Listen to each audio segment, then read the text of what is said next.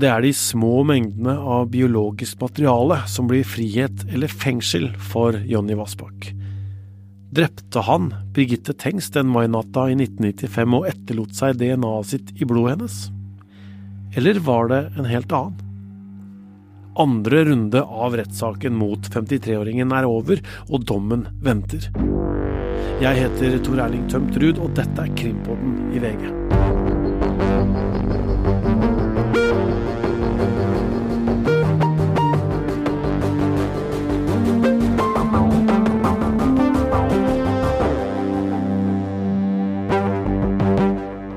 Dager denne uka så har det vært prosedyrer i rettssaken mot Jonny Vassbakk i Stavanger. Dette er ankesaken, altså runde nummer to, og den har foregått i Gulating lagmannsrett. Denne uka har aktørene oppsummert saken. Det er dette som er prosedyrene. En vurdering og analyse av det som har kommet fram i retten. Av det som har blitt sagt, og alle bevisene som har blitt lagt fram. 17 år gamle Birgitte var på fest på bedehuset den fredagskvelden på Karmøy.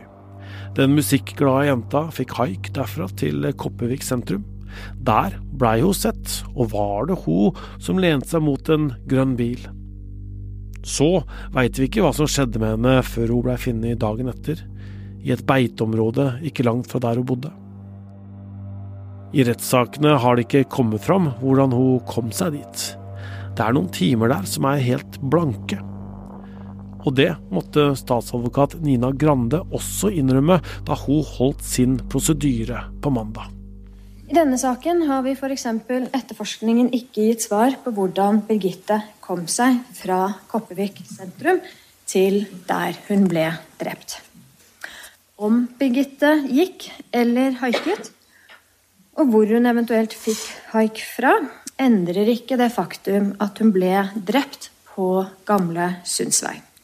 Det er bevisene på drapsstedet og på Birgitte som har betydning for vurderingen av tiltaltes skyld.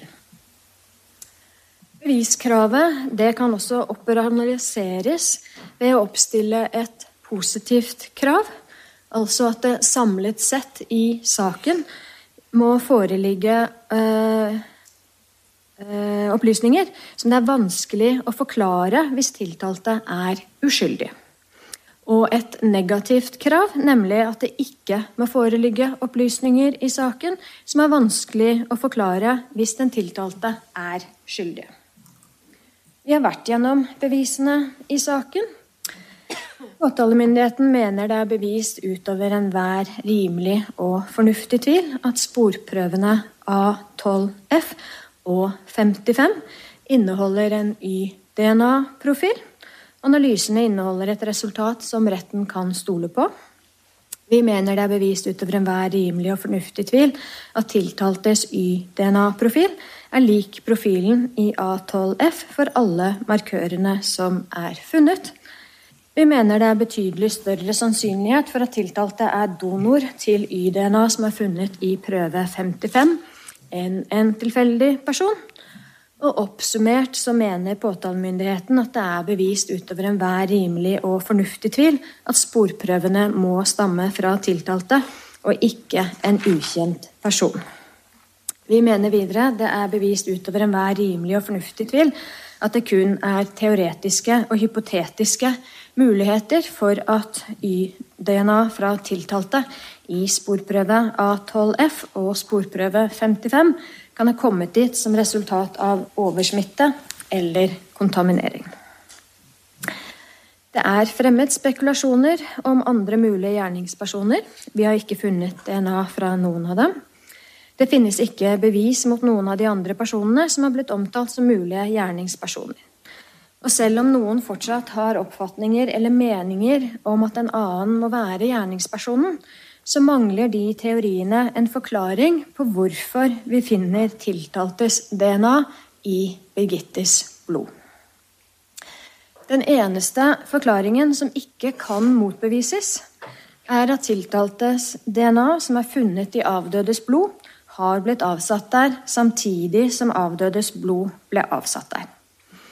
Avdødes blod ble avsatt på strømpebuksen etter at hun var påført én eller flere blødende knusningsskader i hodet. Strømpebuksen og underbuksen ble trukket ned til anklene hennes. Hun ble utsatt for et seksuelt overgrep, enten rett før hun døde, eller rett etter at hun døde. Den som avsatte DNA i Birgittes blod, var personen som begikk dette overgrepet mot henne og drepte henne. Det finnes ingen forklaring på funnet av tiltaltes DNA hvis han ikke er gjerningsmannen. Vi har ikke opplysninger i saken som er uforenlige med at tiltalte er gjerningsmannen, og påtalemyndigheten mener det er bevist utover enhver rimelig og fornuftig tvil at tiltalte drepte og begikk et overgrep mot Birgitte Eggs. På slutten av eh, prosedyren da så la statsadvokaten ned en påstand om at den tiltalte 53-åringen skulle dømmes til fengsel i 17 år. Og det er jo det samme som de eh, mente i tingretten, Øystein. Altså, de vil ha den samme dommen som han fikk i tingretten. Ja, og det innebærer at uh, påtalemyndigheten vurderer saken til å stå i nøyaktig samme stilling som den gang da. Det har verken kommet noe til som Eh, gjør at Vassbakk skal ha en strengere straff, eller noe som gjør at han skal ha en eh, mildere straff, sånn påtalemyndigheten ser det.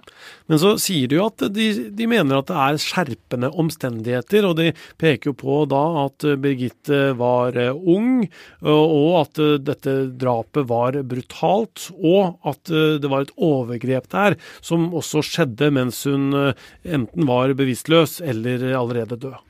Ja da, og hvis denne saken hadde kommet uh, opp i dag, altså som en ferskere sak, så tror jeg jo at uh, påstanden om straff hadde vært høyere, kanskje uh, til og med opp mot maks. og det kunne godt hende at man hadde kunnet sett på forvaring også, dette har vel påtalemyndigheten vært innom i saken.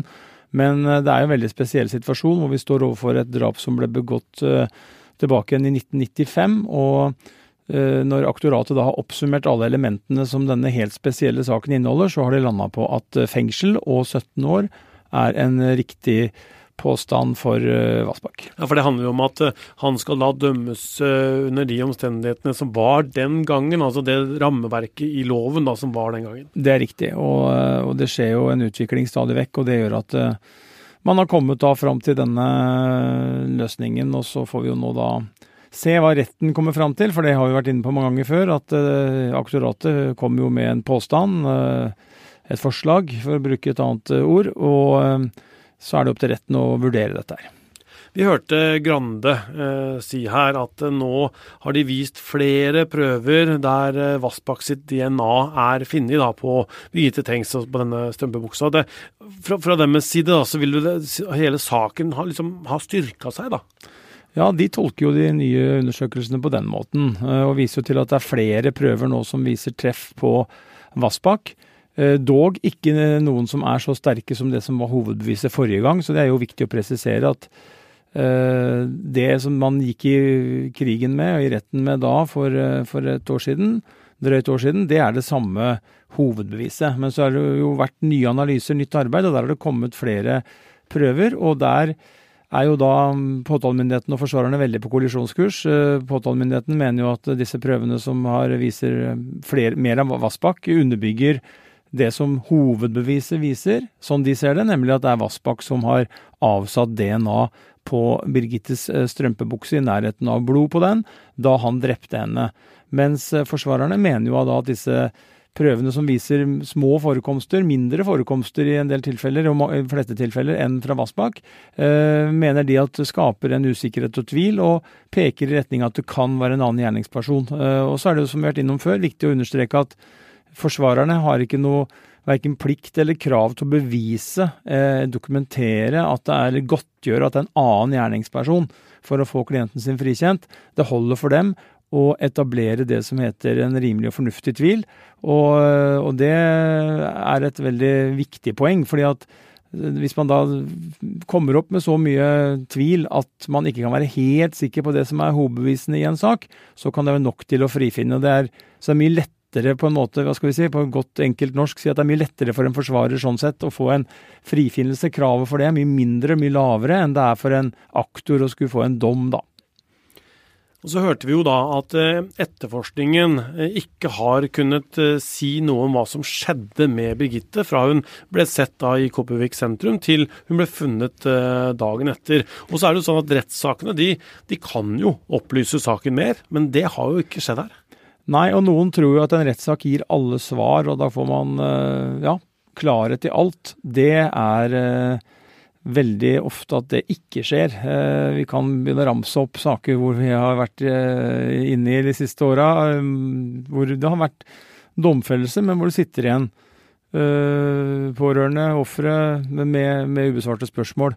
Sånn at det er, det er Og det er en, selvfølgelig en utfordring, og jeg er helt sikker på at påtalemyndigheten gjerne skulle visst mer om hva som skjedde i disse timene fra Birgitte Tengs ble sett i Kopervik sentrum uh, med sikkerhet for siste gang, og frem til hun ble funnet uh, på Gamle Sundvei, uh, ikke så langt unna hjemmet sitt. Der er det et tomrom som man helt sikkert, eller ikke bare helt sikkert, men som man gjerne skulle hatt flere opplysninger om, sånn at man kunne ha fått et tydeligere bilde av hva som hadde skjedd, og kanskje da hadde man også hatt et enda Eh, ja, et tydeligere bilde av hva som hadde skjedd, men også et bilde av, eh, av eh, hvem som har gjort det, og hva som, ja, hva, hva som har skjedd der ute. Torger da, som er faren til Birgitte, han har jo sittet og hørt på hele ankesaken i Gulating lagmannsrett. Det har han også gjort i de andre rettssakene som har vært i denne drapssaken. Men denne gangen så, så sa da Jon Christian Elden, som er bistandsadvokaten til foreldra, at moren Karin ikke greide å følge. Hun orka rett og slett ikke denne gangen.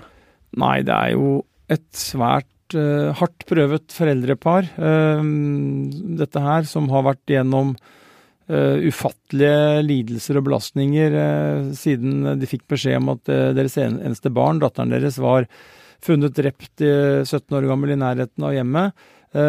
paradoksalt nok så er jo Torger Tengs tilbake igjen i den samme salen, nøyaktig den samme lagmannsrettssalen, som fetteren, altså hans egen nevø, ble frifunnet for straff, men dømt til å betale erstatning, som mange vil huske, i, tilbake igjen på, på slutten av 90-tallet.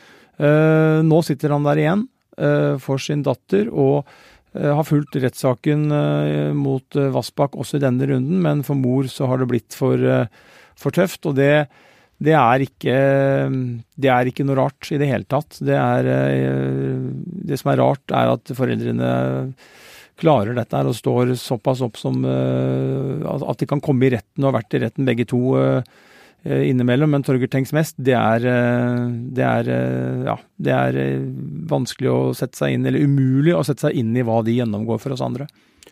Og så var det jo også Elden var jo i retten i dag, da, i, i sin prosedyre, hvis man kaller det. Bistandsadvokaten på en måte la jo fram det erstatningskravet som vil komme hvis Vassbakk eh, blir dømt. For det, det, skal vi komme litt tilbake til. Men selve kravet det er jo på nå 1,4 millioner kroner, 700 000 til hver av foreldrene. Og han sa jo at ingen penger eh, på en måte hjelper i den saken her, men det er jo på en måte et sånt krav som, som man, man, kan eh, stille. da. Ja, det er det, og det er jo da Ja, sånn er det. Og det er som du sier, penger er helt uvesentlig, men det er en del av prosessen. Og nå ble jo da det hevet fra 1,2 til 1,4 millioner, for det har gått enda lengre tid. Eh, og så brukte jo Elden litt tid på å, å betegne denne saken, eh, og hva den, eh, hva den rommer for foreldrene. og det er nok viktig å peke på, fordi at man kan bli litt fartsblind i en sånn type sak. Eh, det er mange ting som er, svirrer inn i rettssalen der. Det er mye som skjer, og det er mye fokus på vitner, bevisføring, det juridiske osv. Og, så og det menneskelige må liksom hele tida være der. Eh, og så har jo da Elden i dag oppsummert og sagt at det er jo en generasjon Uh, som har gått, uh, altså passert nesten en generasjon. Det har gått lang tid, 28 år. Det er jo Eh, den tida du kan få både en datter og barnebarn på, eh, et yrkesliv.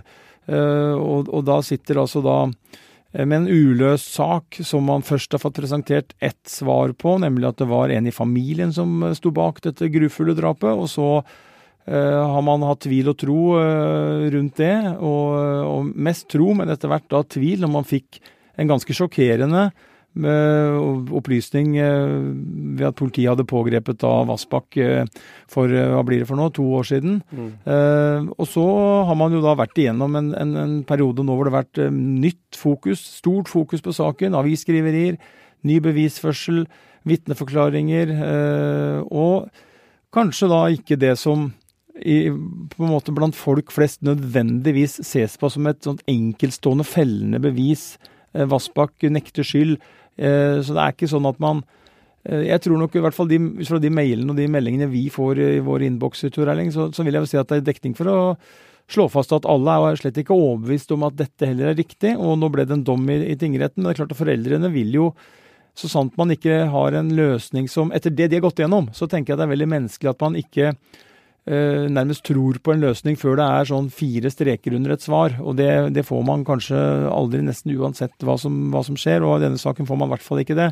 Blant annet av, fordi at man har en tiltalt som, som helt, selvfølgelig helt uh, rettmessig, og ikke noe klandrer ikke han for dette her, men for dem så er det et faktum at politiet har kommet til retten med en tiltalt, en mann de mener har begått drapene, som, som nekter skyld. Og fra foreldrenes standpunkt så blir jo det da en mer uklar sak enn det ville blitt hvis han hadde, hadde, erkjent eh, skyld. Og så er det som igjen understreker at selvfølgelig Vassbakk har i sin fulle rett, og han mener han er uskyldig.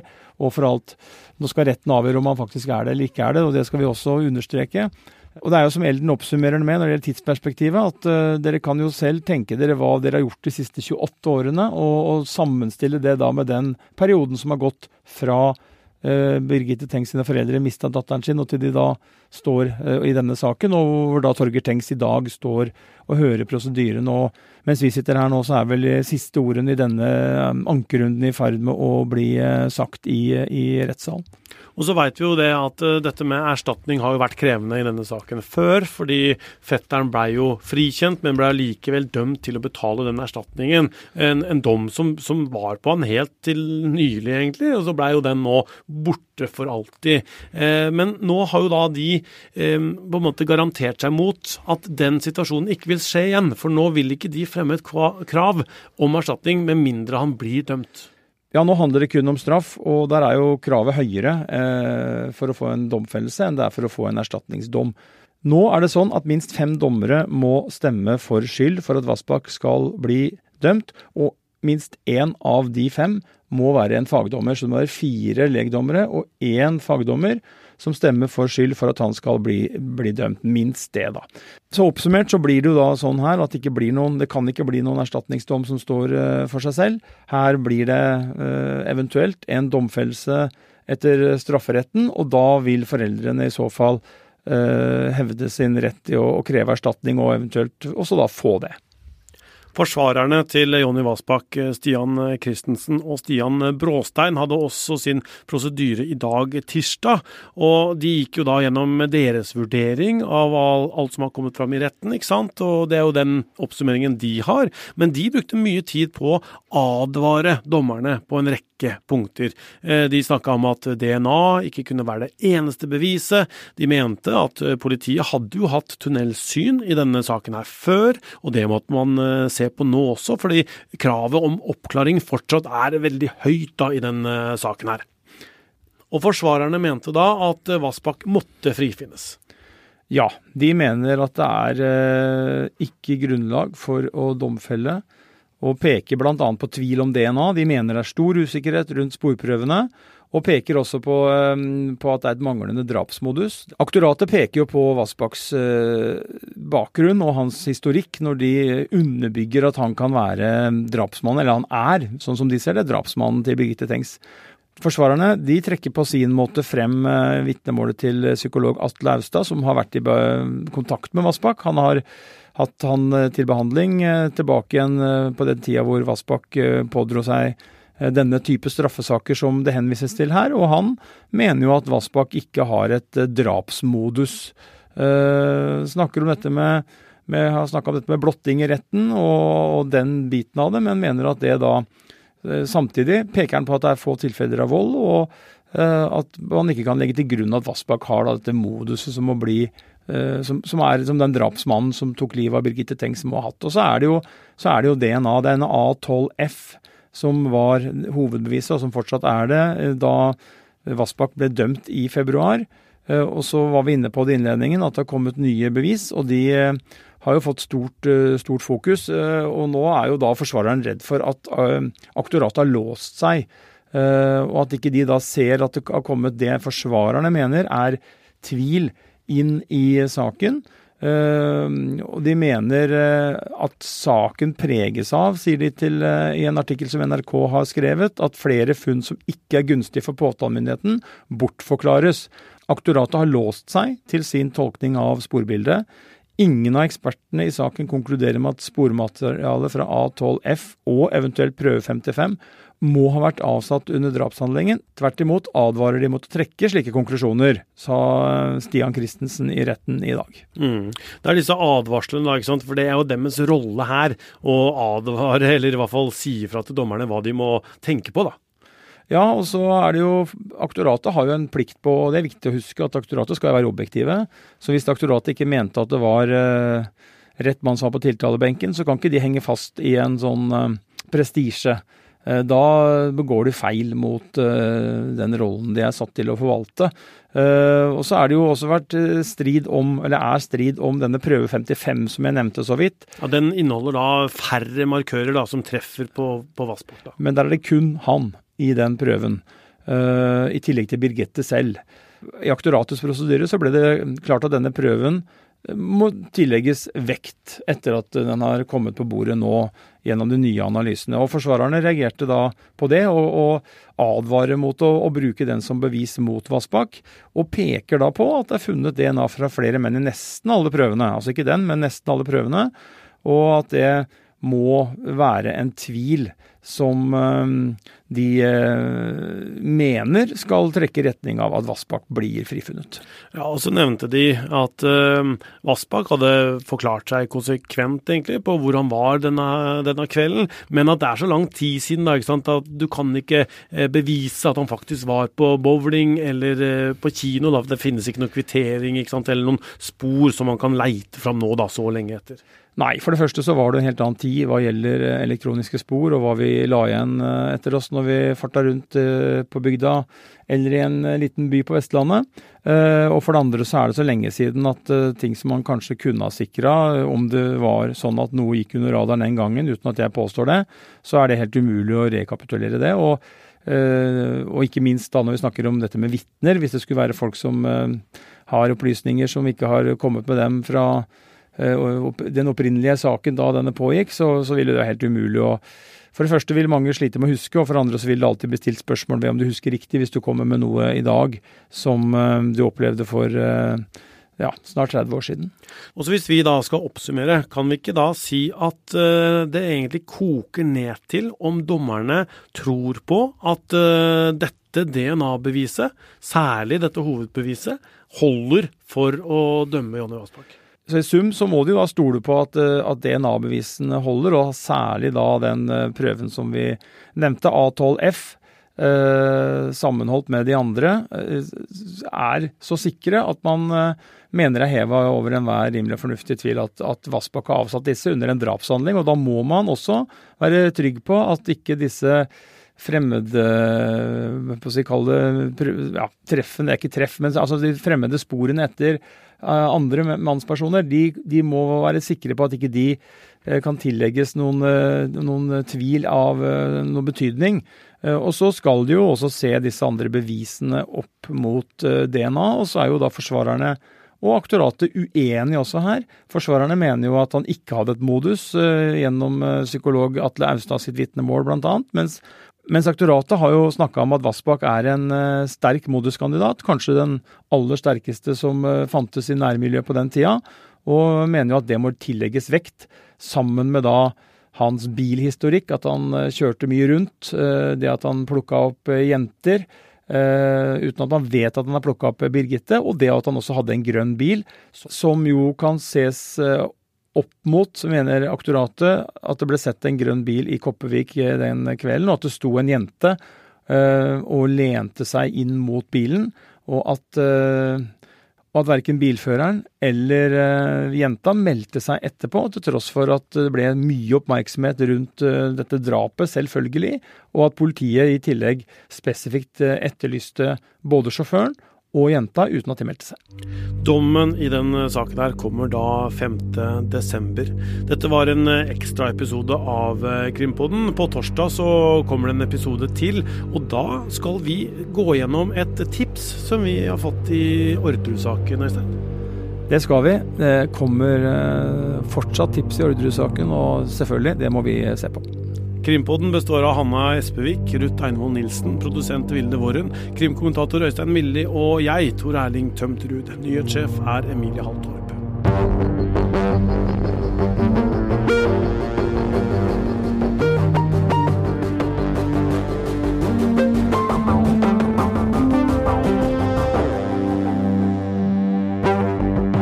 Har hørt en podkast fra VG. Ansvarlig redaktør, Gard Steiro. Marius forteller at han har en hemmelig jobb i etterretningstjenesten. Men i årevis har han lurt kjærestene sine og kommet unna med det. Oi, shit. Hvor stort er dette edderkoppnettet her? Helt til han møtte Silje. Andre jenter må advares mot han, da. Hun bestemmer seg for å stoppe ham. Så mye du har pult meg i ræva nå, det kommer jeg til å pule deg i ræva på. Men vil hun klare det? Nå kjører du på med det du gjør. Skal jeg kjøre på med det jeg gjør. Hør podkasten Serieløgneren hos Podmy.